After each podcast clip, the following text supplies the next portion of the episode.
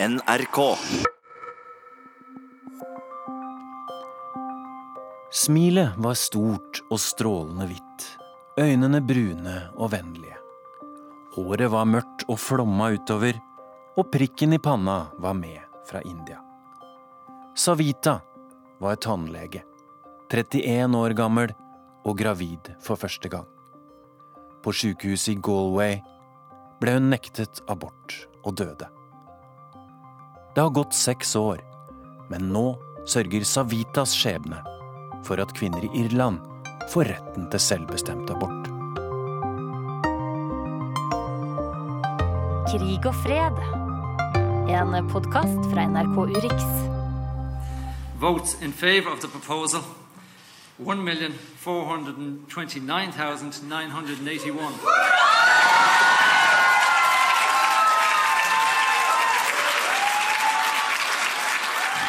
Resultatet eh, betyr at eh, det kommer til å bli innført selvbestemt eh, abort her i Irland.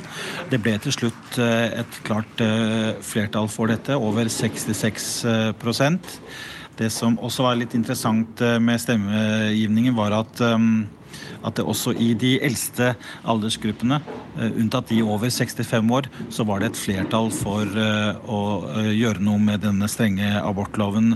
Og det var jo også et tegn da på at abortloven var i ferd med å gå ut på dato her i Lilleland.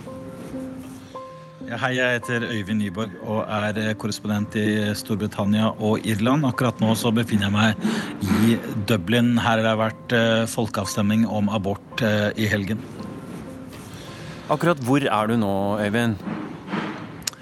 Akkurat nå så er jeg ved noe som har blitt kalt Savita-minnesmerket. Eh, det er eh, en stor, hvit vegg hvor det er eh, et bilde av Savita i rødt.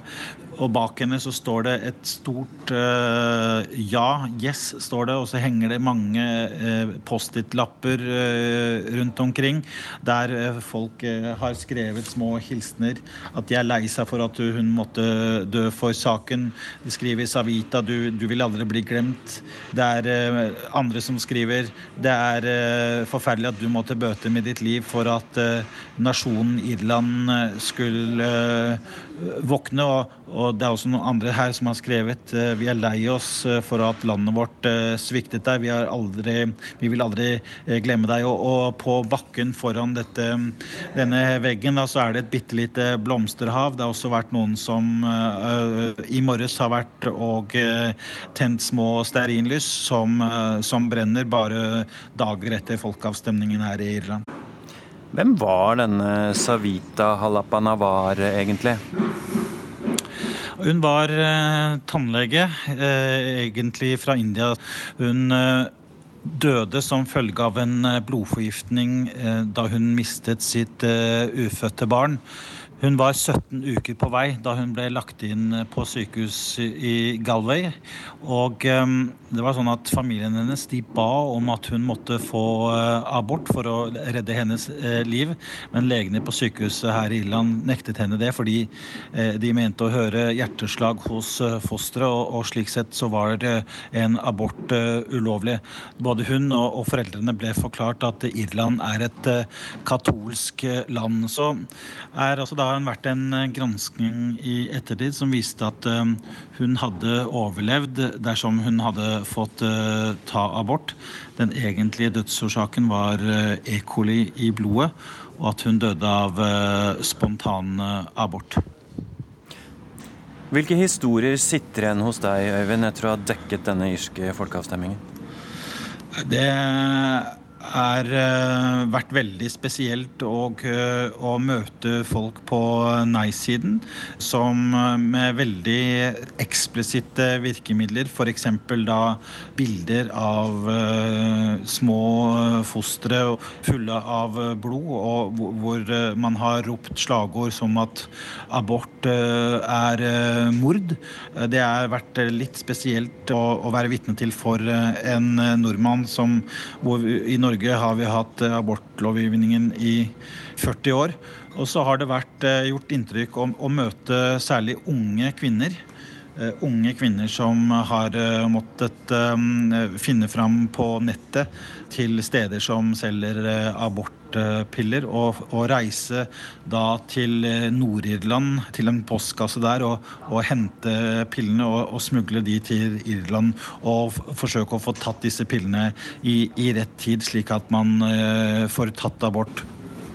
Og to travel, å reise, har jo da vært et eget begrep i Irland, med kvinner som har reist alene med båt eller seinere med fly til England for å få utført en lovlig abort der. Eh, og det har vært mange sånne historier. I hvilken grad har den typen historier vært med på å prege den folkeavstemmingen Irland nå har vært igjennom? Jeg er helt sikker på at det har hatt uh, veldig mye å si. Det, det, var jo også det statsminister Leo Varadkar sa uh, på lørdag da resultatet av folkeavstemningen ble klart. Det, første han sier er at dette er en seier for alle disse historiene man har hørt om. kvinner som har reist til Liverpool for å ta abort og, kommer tilbake igjen med, små kister. I den opptakten til folkeavstemningen her så har det vært veldig mange som har delt sine historier historier på sosiale medier. Også her ved minnesmerket for Savita så er det mange som, har, eh, som deler e, sine egne historier. Og, og det er alle disse tusen eh, kvinnene som har tatt abort, og deres eh, historier om å reise i skjul til utlandet, eller eventuelt kjøpe og smugle abortpiller inn i landet, som har ført til at mange har syntes at vel, det er abort i Irland. Eh, nå er det vel på tide at vi tar ansvaret for, for dette på egen hånd og ikke eksporterer det problemet til, eh, til England eller til andre steder. Nettopp. Ja, Hva betyr dette, da? Er ikke Irland så konservativt og så katolsk som vi har trodd lenger?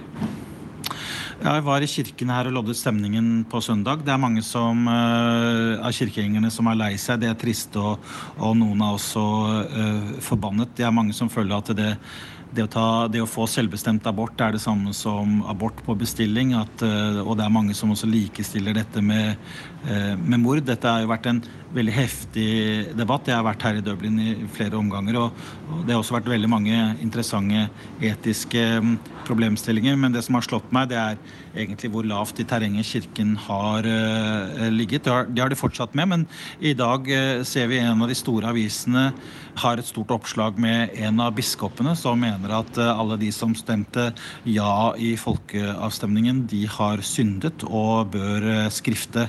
Og, så dette er også fortsatt et hett tema. Men Kirken har mistet en del betydning. Det er mange som mener at de har mistet mye av tilliten som følge av de mange overgrepssakene som har vært, særlig mot unge gutter her i Irland. Eh, ikke bare har det vært mange overgrepssaker, men de har også gjort eh, mye eh, for å holde disse overgreps, overgrepssakene skjult. Og det er det mange som er veldig skuffet over fra kirkens side. Og for ordens skyld, Øyvind, det man stemte om var altså det såkalte åttende grunnlovstillegget som vel, så vidt jeg forstår det, likestiller den gravide kvinnens rett til liv med fosterets rett til liv. Hva skjer med det grunnlovstillegget nå? Det kom man da til å eh, kaste på båten. Det har vært et eh, regjeringsoppnevnt eh, utvalg som har sett på hvordan man skal komme fram til en løsning som da i praksis betyr eh, selvbestemt eh, abort. Eh, ikke helt ulikt hvordan man har det i Norge. Det vil være en selvbestemt abort hvor fastlegene skal ha fortsatt en ganske stor innflytelse overfor det valget som blir tatt. Og så er det jo slik nå da at nei-siden er allerede varslet at de vil komme til å, å jobbe for at denne lovgivningen eh, gjør at det, det å ta abort det blir så vanskelig som overhodet mulig.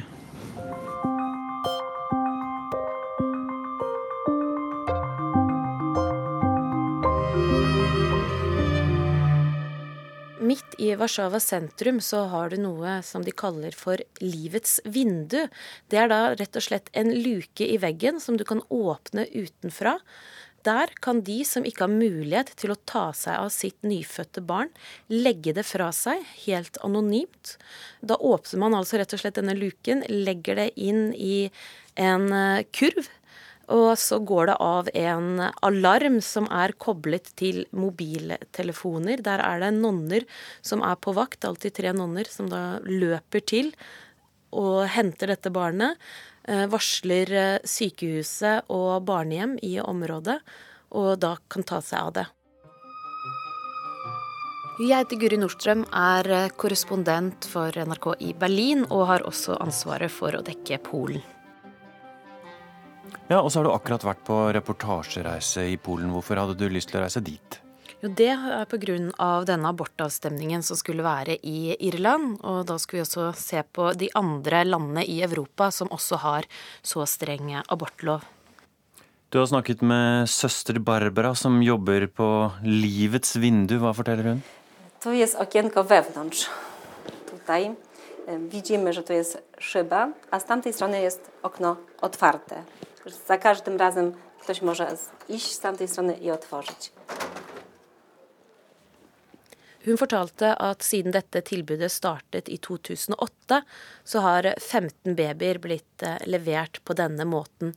Eh, mange blir levert med brev og, med lapper hvor det står hva som er historien til hvorfor foreldrene ikke kan ta seg av disse barna. Ofte skriver de at eh, de er under 18 år, at de ikke har fått tatt noen utdannelse. Noen skriver at de har allerede mange barn fra før, har ikke råd til å ta seg av eh, nok en. Eh, så, og mange fortell, skriver også hvilket navn de ønsker barnet skal ha. At de ønsker at det skal komme til en, en god familie. Og dette Livets vindu det er da et tilbud de har over hele Polen, ikke bare i Warszawa.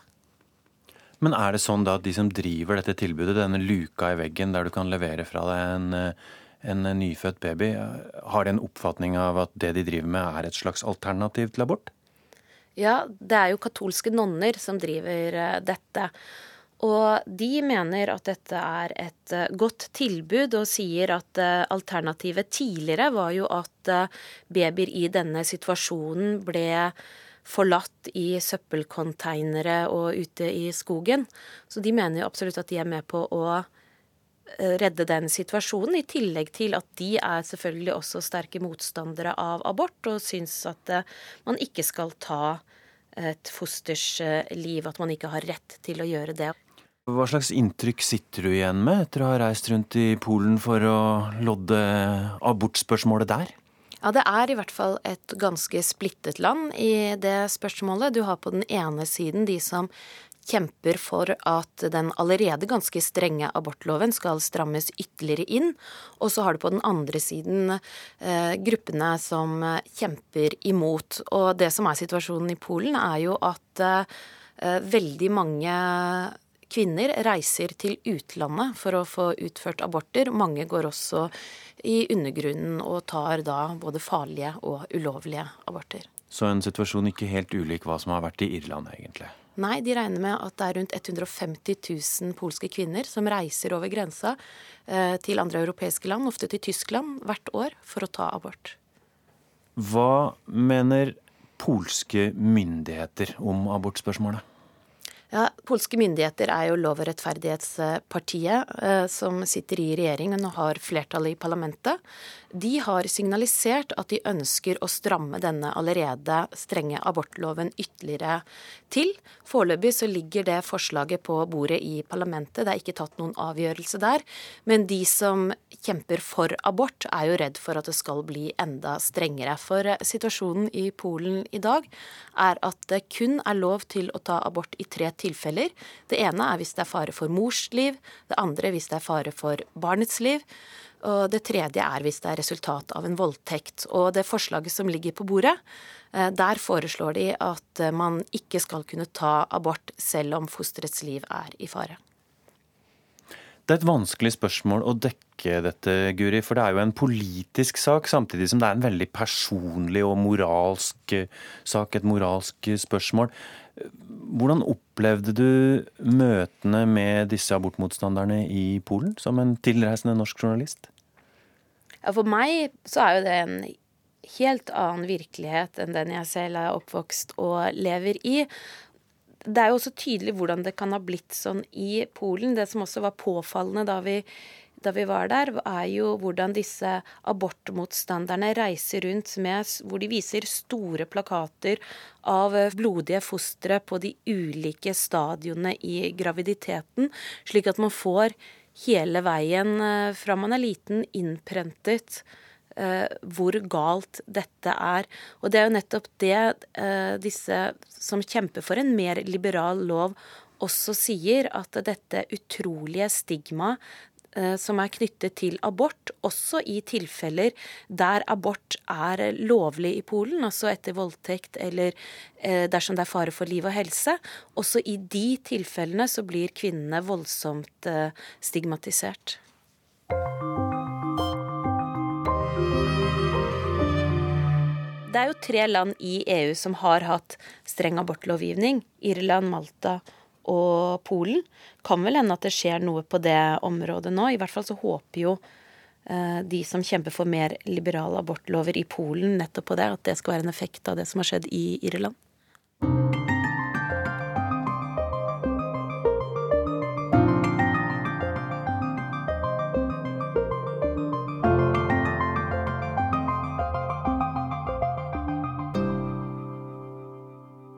Det er jo altså seks millioner ulovlige aborter per år her i Latin-Amerika. Det høyeste tallet per innbygger i hele verden. Mer enn 1000 unge kvinner dør som følge av dårlig utførte aborter eh, rundt om på dette kontinentet hvert eneste år.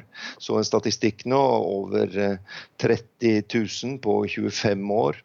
Det er jo veldig mange for oss eh, fryktelige historier om kriminelle som selger magesårmedisin som abortmiddel. Det virker visstnok, men har ofte meget alvorlige bivirkninger som blødning Eh, og har også ført til at, eh, at unge kvinner har dødd.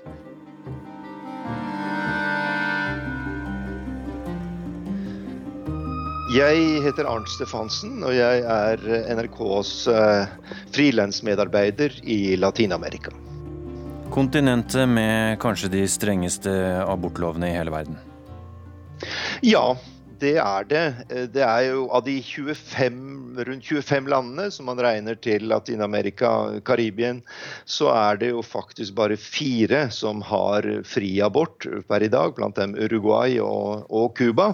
Eh, og det er eh, seks-sju land som, eh, som har en app et absolutt eh, abortforbud, altså ikke engang unntak dersom morens liv er truet, eller dersom det er snakk om voldtekt eller svært unge jenter. Slik at det er nokså ekstreme abortlover sett fra i hvert fall et norsk synspunkt.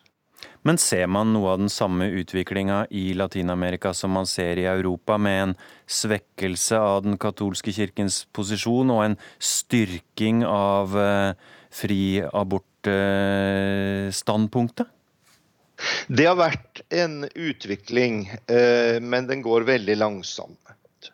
Det som har skjedd de siste årene, er eh, at eh, Argentina nå er kommet i en bevegelse som kan føre til at man vedtar fri abort neste måned ved en, ved en, en avstemning i nasjonalforsamlingen. Chile har gått bort fra det absolutt Eh, abortforbudet, som de har praktisert i veldig mange år. I oktober i fjor utførte man den første aborten, eh, lovlige aborten etter den nye loven. Og Det har også vært andre trekk i, i, retning av en, en, liberalisering. Men motstanden fra den katolske kirken er veldig sterk.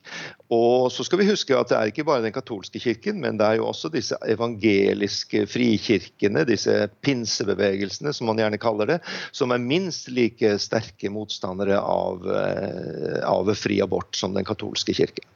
Men hvis Argentina nå da stemmer i juni over om abort skal tillates de første 14 ukene av svangerskapet, hva slags betydning vil en sånn type beslutning ha? Dersom Argentina vedtar fri abort, så vil det være et veldig sterkt signal eh, over hele Latin-Amerika. Og Argentina vil da markere et, eh, skal vi si, et vannskille i kampen for fri abort i Latin-Amerika. Det er eh, noen ganske stygge historier som dominerer debatten om abortlovgivning i Argentina for tida?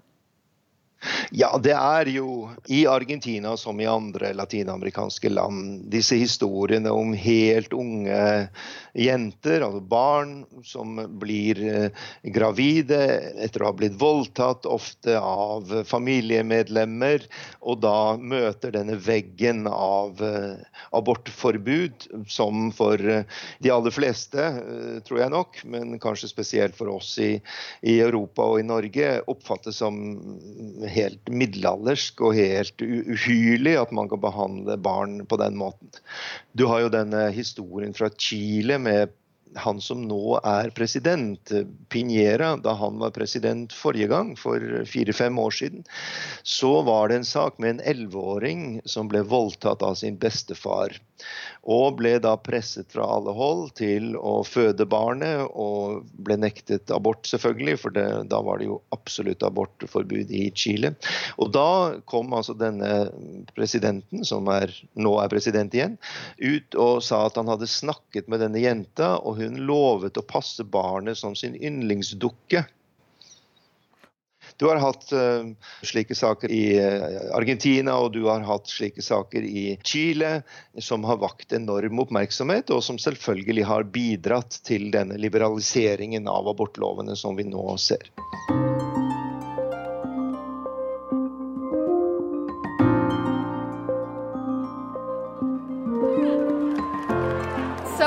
Overwhelming, but in the best way possible. Like we never expected that it would be so much of a landslide that it's seeming to be. For all women in Ireland, it is just momentous. Og Savita døde altså i 2012 eh, etter en spontanabort og en, og en infeksjon. Hva skjer med hennes navn og ettermæle nå? BBC har vært og besøkt eh, foreldrene hennes i eh, India.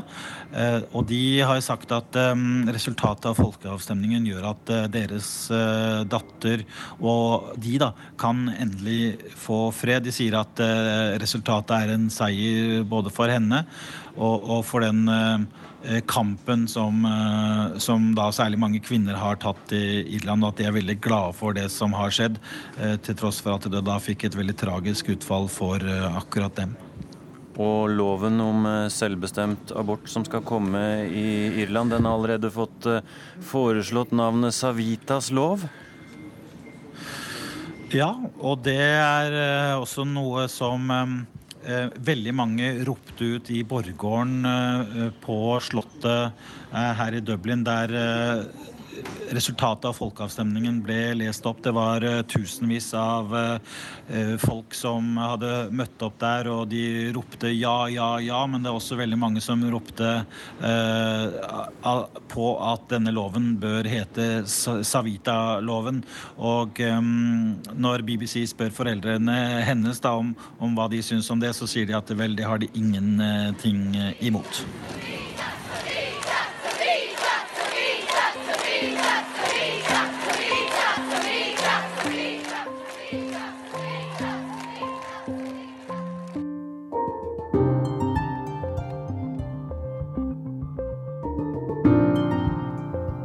Hørt podkasten Krig og fred med Tore Moland.